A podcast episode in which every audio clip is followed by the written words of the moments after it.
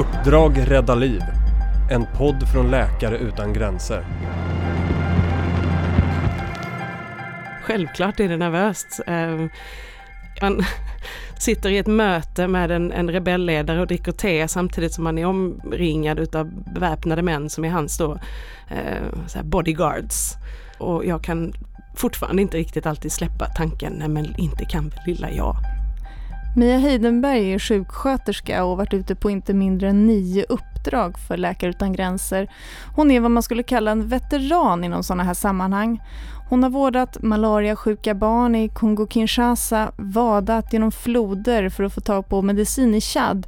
Hon har förhandlat med väpnade grupper i Centralafrikanska republiken. Jag heter Katinka Agneskog och jobbar vanligtvis på Läkare utan gränsers kontor här i Sverige. Och I den här podden så får ni chansen att möta våra fältarbetare och höra vad som händer bakom kulisserna.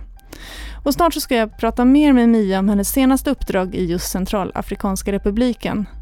Men först, vad gör man när den där planerade skålen i bubbel plötsligt byts ut mot skottlossning? Lisen Forsberg har läst in Mias dagboksinlägg.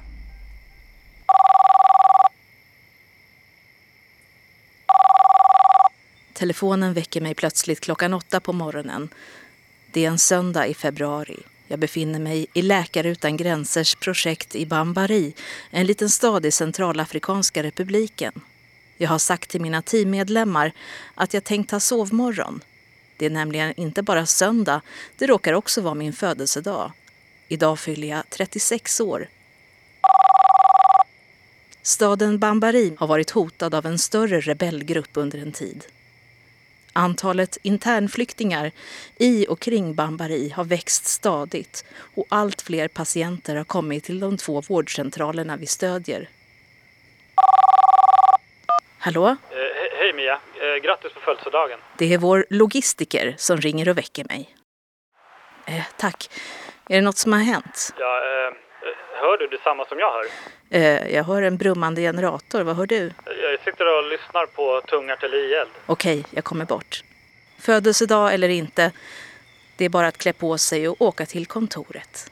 Väl framme står kaffet färdigt. Jag hinner ta en första klunk innan jag också hör det. Ett dämpat buller, inte helt olikt ljudet av åska. Men det är alldeles för regelbundet för att kunna vara ett väderfenomen. Efter ett par telefonsamtal får vi veta att rebellgruppen har lyckats ta sig över floden. De befinner sig nu ungefär fem kilometer från stan. Ljuden vi hör kommer från FN-styrkan som försöker stoppa rebellerna från att avancera ytterligare. En kollega från internationella Röda korskommittén ringer för att informera att de fått rapporter om ett tjugotal skadade. De är nu på väg för att hämta patienterna och ta med dem till sjukhuset. Med andra ord, det är dags för oss att göra oss redo att ta emot de skadade. Själv försöker jag hålla kontakten med FN-koordinatorn, Röda Korset, vårt eget team i huvudstaden och personalen på huvudkontoret i Berlin. Vi får veta att teamet från Röda Korset har haft problem med att få tag på de skadade. Det kommer att dröja tills framåt halv sju på kvällen innan de kommer att nå fram till sjukhuset. På uppmaning av FN-styrkan råder utegångsförbud i stan från klockan sju på kvällen och jag inser att hela teamet kommer att behöva övernatta på sjukhuset om vi ska kunna ta emot de skadade. Sagt och gjort, vi gör snabbt om sjukhuschefens kontor till sovsal. Vi hänger upp myggnät och hämtar ut den så kallade akutmatlådan med konserver som bara får användas i nödsituationer. Och det här är en nödsituation så kommer de till slut. Patienterna. De mest allvarligt skadade har tyvärr inte klarat sig och dött innan de hann fram till sjukhuset. Vårt team vårdar sju patienter med granat och skottskador. Efter någon timmes arbete är samtliga patienter stabiliserade. Sent på kvällen drar vi oss tillbaka Födelsedagsmiddagen blir visst inte chokladtårta och bubbel som planerat. Istället öppnar vi varsin konserv med vita bönor i tomatsås och skålar i ljummet vatten från plastmuggar. Så småningom går vi och lägger oss i vårt provisoriska sovrum. En madrass, soffa, kudde eller presenning. Jag har blivit tilldelad en madrass vid en dörr. I det läget kan jag inte hålla mig utan nynnar Jag må hon leva lite tyst för mig själv.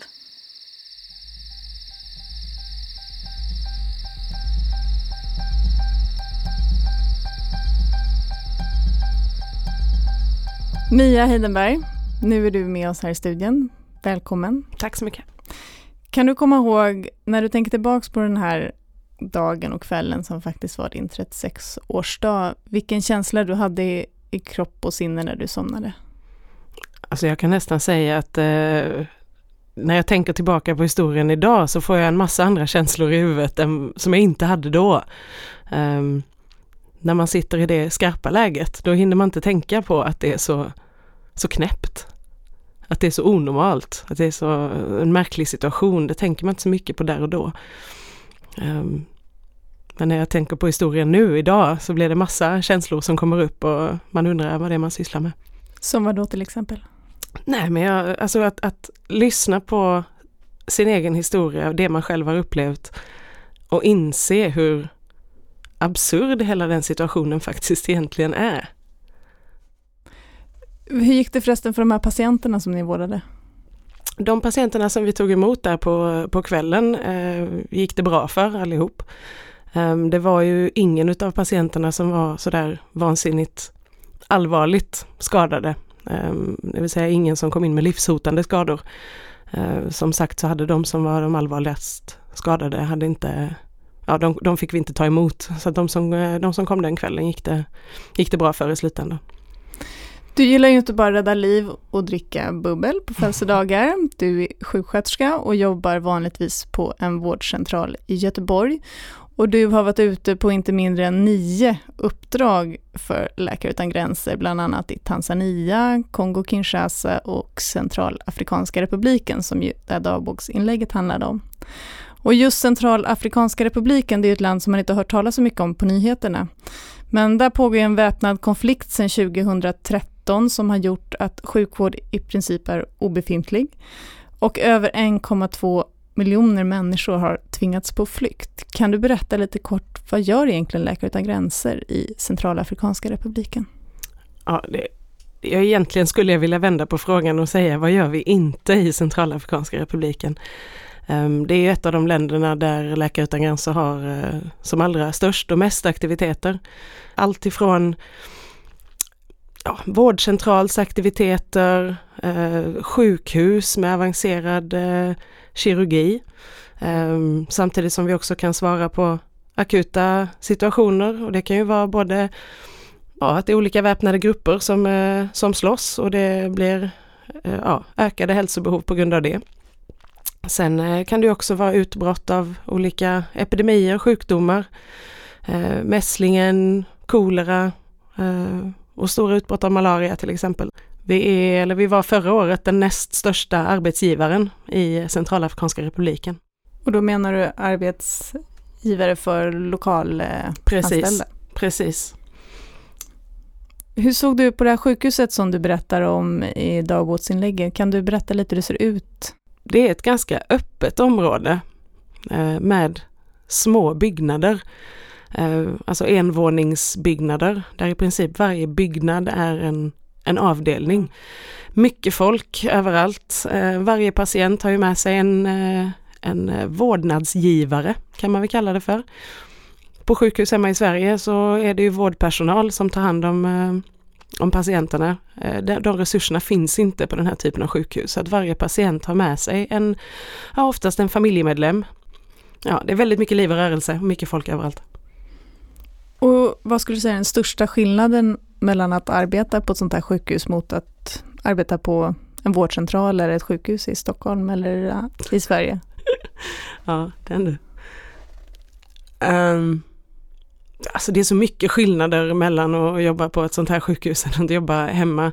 Allt ifrån eh, ja, miljön, att den är annorlunda, eh, till att man eh, får bemöta patienter kanske på ett annat sätt än vad man är van vid eh, hemma. Ehm, också att man inte har tillgång till samma material och ja, utrustning som man kanske har hemma. Man eh, eh får gå, ur ett medicinskt synvinkel så får man gå väldigt mycket på eh, kliniska symptom, alltså vad ser man på patienten? Saker som man kanske hemma, man skickar iväg en patient och tar röntgenbilder eller eh, skickar iväg blodprover till laboratoriet. Och de möjligheterna har man inte alltid i samma, samma utsträckning på ett sådant sjukhus. Är det frustrerande? I början, första gången när man är iväg så är det frustrerande för man vill så mycket mer än vad man kan. Eh, men ju längre man är iväg och, och jobbar så, så inser man också att man har mycket möjligheter så länge man kan ja, tänka lite kreativt eh, och inse hur mycket man faktiskt kan göra med väldigt lite. Och man lär sig att eh, ja, lösa situationer som man kanske inte trodde man skulle kunna lösa utan de resurser man har hemma. Du är ju som vi har hört en väldigt erfaren fältarbetare. Men eh, handen på hjärtat, blir man inte rädd någon gång? Var du rädd den här natten som vi hörde om tidigare? Ärligt talat så var jag inte det. Um, man blir efter ett tag så, så, blir man tyvärr så pass van vid den här typen av situationer um, och har liksom inte riktigt tid att, att tänka på att vara rädd. sen får man väl säga i just den här situationen så var ju inte eh, vi som Läkare Utan Gränser ja, målet för en attack. Eh, och det kanske gör skillnad för hur man känner om man är rädd eller inte. Men det är klart, om situationen hade varit annorlunda, att vi hade varit måltavla, så det, kan jag inte sitta här och säga att jag inte skulle vara rädd. Har du varit rädd någon annan gång under dina uppdrag? Inte, inte personligen. Eh, personligen låter kanske konstigt. Eh, jag har ju suttit eh, förra året, eh, var jag baserad i huvudstaden som ansvarig för alla projekten. Och när vi då hade ett skarpt säkerhetsläge i ett av våra projekt eh, och du får sitta på telefon och lyssna på ditt team och hör hur kulorna flyger över deras huvuden och de gömmer sig i ett skyddsrum. Då blir jag rädd att något ska hända med, med mitt team. Så det kan man väl säga, då blir jag rädd, men inte för min egen skull och min egen säkerhet, men man blir rädd att något ska hända med folk man är ansvarig för och folk som man faktiskt bryr sig om. Vad var det som hände då när de här ringde dig? Det var ju eh, ett team, eh, tre stycken hade vi kvar i, i ett av våra projekt. Um, och sen, uh, ja, helt plötsligt en onsdag morgon eh, klockan sju så hör teamet, teamet har väl, de satt väl och drack kaffe och käkade frukost och så hör de hur eh, de hör skottlossning, inte allt för långt bort. Eh, och skottlossningen blev mer och mer intensiv och kändes tydligen som att det kom närmare.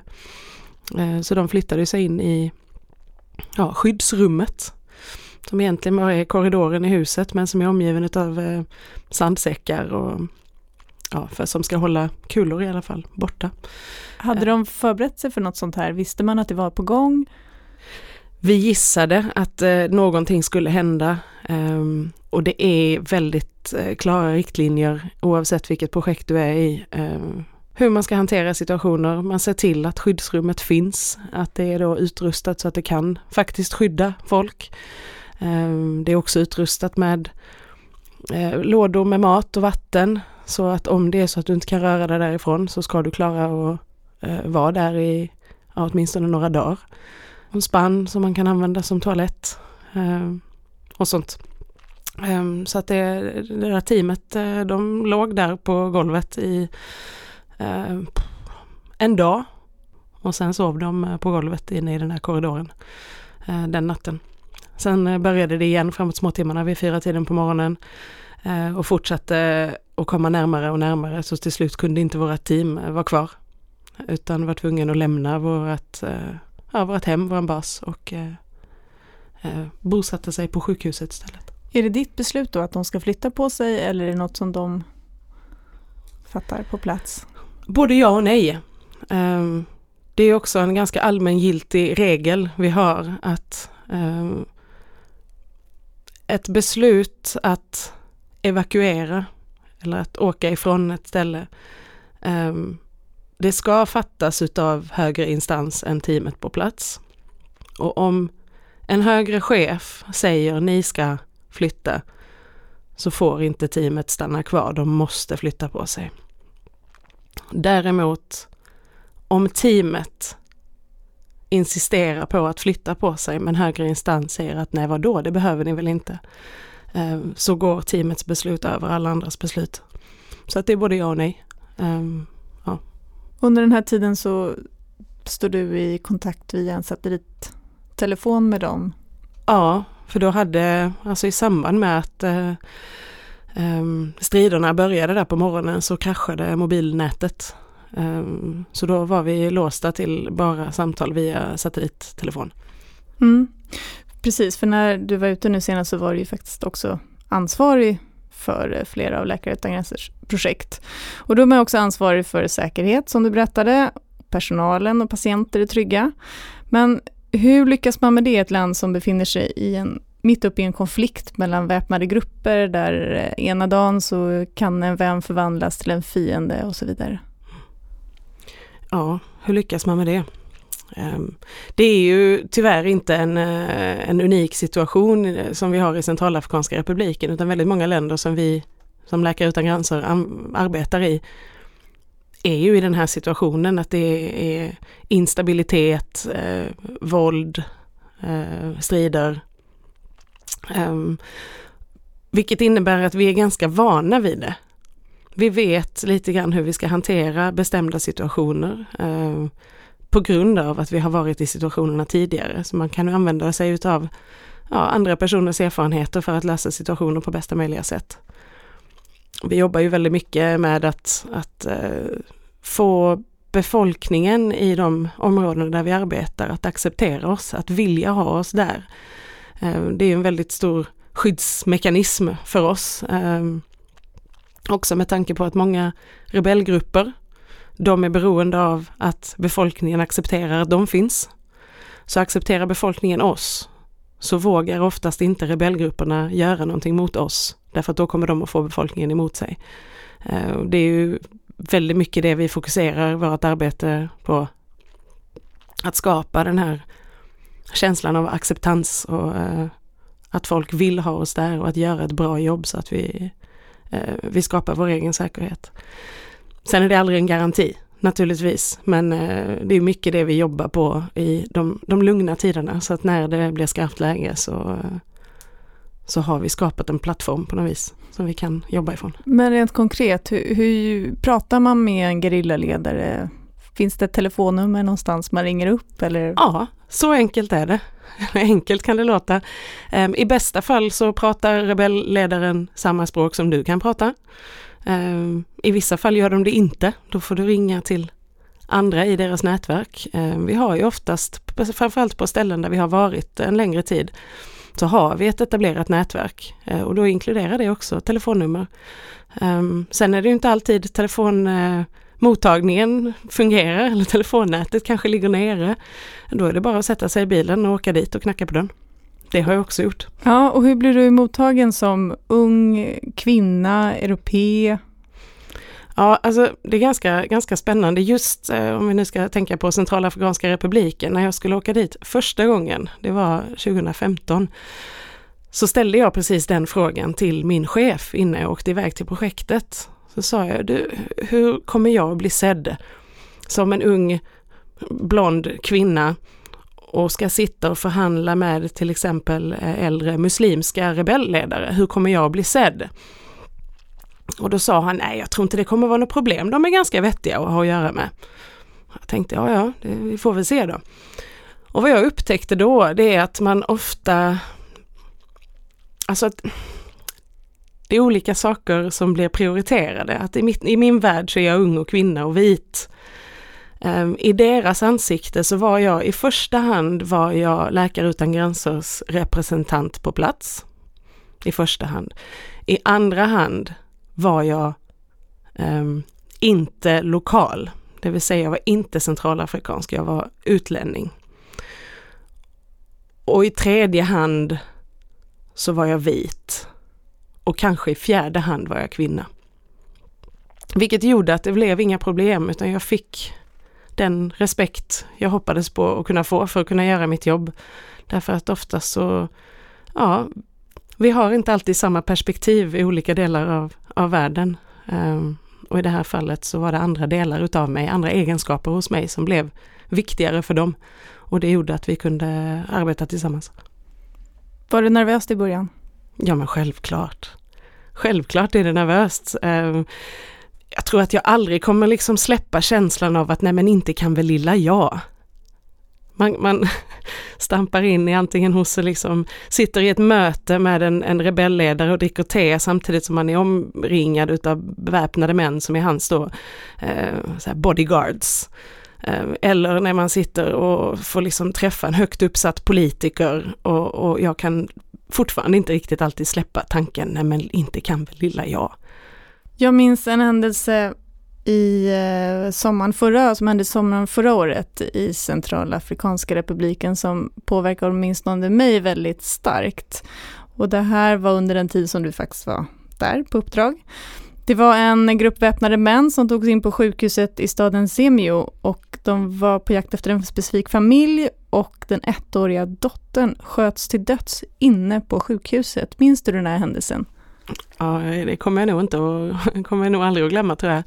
Ehm, jag var ju, ska jag klargöra att jag var inte på plats i Zemio när detta hände, utan jag hade ju mitt team på plats. Vid det laget var de tre stycken eh, som hade bott på sjukhuset i en och en halv vecka ehm, efter att ha varit tvungen att överge våran, eh, ja, vårat hem, våran bas, ehm, för att det hamnade mitt på frontlinjen.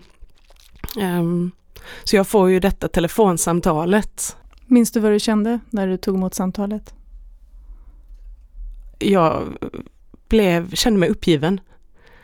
Um, det är så otroligt mycket hemskheter som händer i det där landet.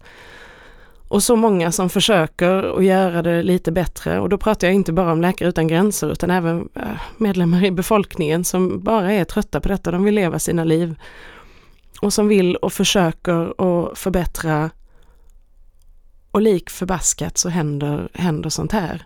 Ehm, och att det händer på, inne på ett sjukhus, det ska liksom inte få hända. Det har, finns så många exempel de senaste åren, inte bara attacker inne på sjukhus utan även man har hört från andra länder med flygangrepp över sjukhus och så vidare.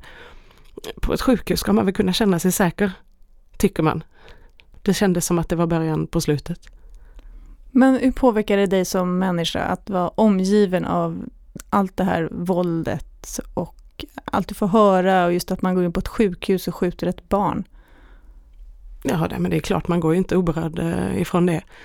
Jag samlade på mig ganska mycket sådana erfarenheter förra året, eh, vilket jag upptäckte när jag kom hem att jag hade fått skjuta på och dela med mycket av det tills jag kom hem. Ehm, så det tog sin tid när jag kom hem att, att eh, bearbeta, att eh, processa i hjärnan och eh, ja, komma tillbaka rent mentalt. Har det förändrat dig som människa? Ja, självklart. Självklart. skulle, vem som helst skulle väl ljuga om de sa att det inte gjorde det, för det är klart det påverkar. jag tror inte att det påverkar en i det långa loppet negativt. För jag tror att det är viktigt att, att folk ser sånt här som händer. Eh, att man får höra sådana här historier för att förstå att det existerar eh, och att detta är verklighet för eh, otroligt många människor. Så jag tror att det är viktigt och att det är en bra, bra erfarenhet eller en viktig erfarenhet. Och det är viktigt att vi är där och det är viktigt att vi hör, det är viktigt att vi ser och det är viktigt att vi berättar om det. Men när man är ute på sådana här uppdrag, när, har man, när slappnar man av? På söndagar. Uh, nej, alltså alla har vi olika sätt att, att koppla av och släppa släppa loss eller på att säga. Men uh, ja, men slappna av, koppla av. Uh, vissa vill hålla sig fysiskt aktiva och kör fullt, fullt ut så fort de är lediga. Så försöker de, är de ute och springer eller tränar eller spelar volleyboll eller vill liksom hålla sig väldigt fysiskt aktiva. Um, vissa vill bara sitta i skuggan under ett träd och fundera över livet, tänka på saker och ting. Vissa spenderar dagen med att sitta och kolla på film. Ehm, jag har eh, ett stort ensamtidsbehov när jag är i fält så att oftast så ser inte mina teammedlemmar mig på söndagar. Så jag håller mig mest inne på mitt rum för att då vill jag, man har så mycket folk runt omkring sig hela tiden så att eh, en dag i veckan vill jag åtminstone försöka att vara själv. När skrattar ni tillsammans? Ofta. Varje dag nästan. Men det blir ju tyvärr, även om det är eh, spända situationer, eh, tråkiga grejer som händer, jobbiga grejer som händer, så blir det normaliserat. Det är det som är ens jobb. Det vill säga att även när du sitter och käkar lunch, även om du har en jättetuff och jobbig dag, så är det som när man sitter och käkar lunch hemma, att man kanske sitter och pratar om vilken film man såg i söndags eller eh, eh, den där dejten som man var på för ett halvår sedan med en knäppskalle och så skrattar man. Eh, eller man eh, ordnar till med en, en eh, liten festkväll med sin lokalt anställda personal en, eh, en eftermiddag och skrattar och lyssnar på musik och dansar tillsammans. Eh, för att det gör man ju hemma också när man har sitt normala jobb. Och detta är också vårt normala jobb, sen att jobbet i sig inte är så normalt. Det blir en, eh, en bisak i, i sammanhanget. Vad är det som får dig att åka ut så här igen och igen och igen? det är det bästa jobbet jag kan tänka mig att göra. Um, dels tycker jag det är otroligt intressant uh, att, att, eh, och det är, en, det är en ynnest att få lov att göra detta. Och samtidigt som det är något, något bra man uh, resultatet är något bra också. Um, det känns rimligt det vi gör. Det känns mindre rimligt när man uh, Eh, står på en sjukhusavdelning hemma i Sverige upptagen med att kanske till och med försöka rädda livet på någon och när man kommer ut så står det någon gammal tant eller farbror som är upprörd över att de har fått vänta 20 minuter på en kopp kaffe. Det känns inte rimligt. Men att sitta och förhandla med en väpnad grupp i en vecka och inte kunna göra något på en vecka, men sen har de här förhandlingarna resulterat i att vi får lov att åka iväg och göra en två timmars mobilklinik. Det är rimligt. Men då tänker jag så här, hur är det då att komma hem och stått och förhandlat med de här väpnade grupperna och sen eh, ah, helt plötsligt så står man där med den där arga farbrorn och eh, ska bråka om den här kopp kaffen. Hur funkar det? Alltså, ja det finns väl en anledning till att jag inte jobbar på sjukhus idag. Det, det är väl för att jag vill jobba med saker som känns mer rimligt. Än, äh, än det. Nu ska jag inte säga att det är orimligt att vara på sjukhus, eh, det är också ett jätteviktigt äh, jobb naturligtvis. Men för mig blir det för starka kontraster och tvära kast. Vet du var du ska åka nästa gång?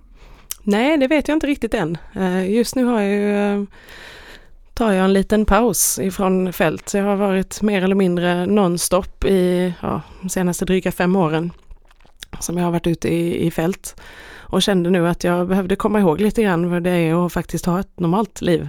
Och har väl tänkt att jag ska ja, njuta lite av att ha familj och vänner i, i närheten innan jag ger mig iväg igen. Jag är inte färdig. Jag tänker att jag kommer åka ut igen. Jag bara vet inte exakt, eh, exakt när. Tack Mia Heidenberg för att du eh, ville vara med hos oss idag. Jag heter Katinka Agneskog och vi vill gärna veta vad du tyckte om vårt samtal.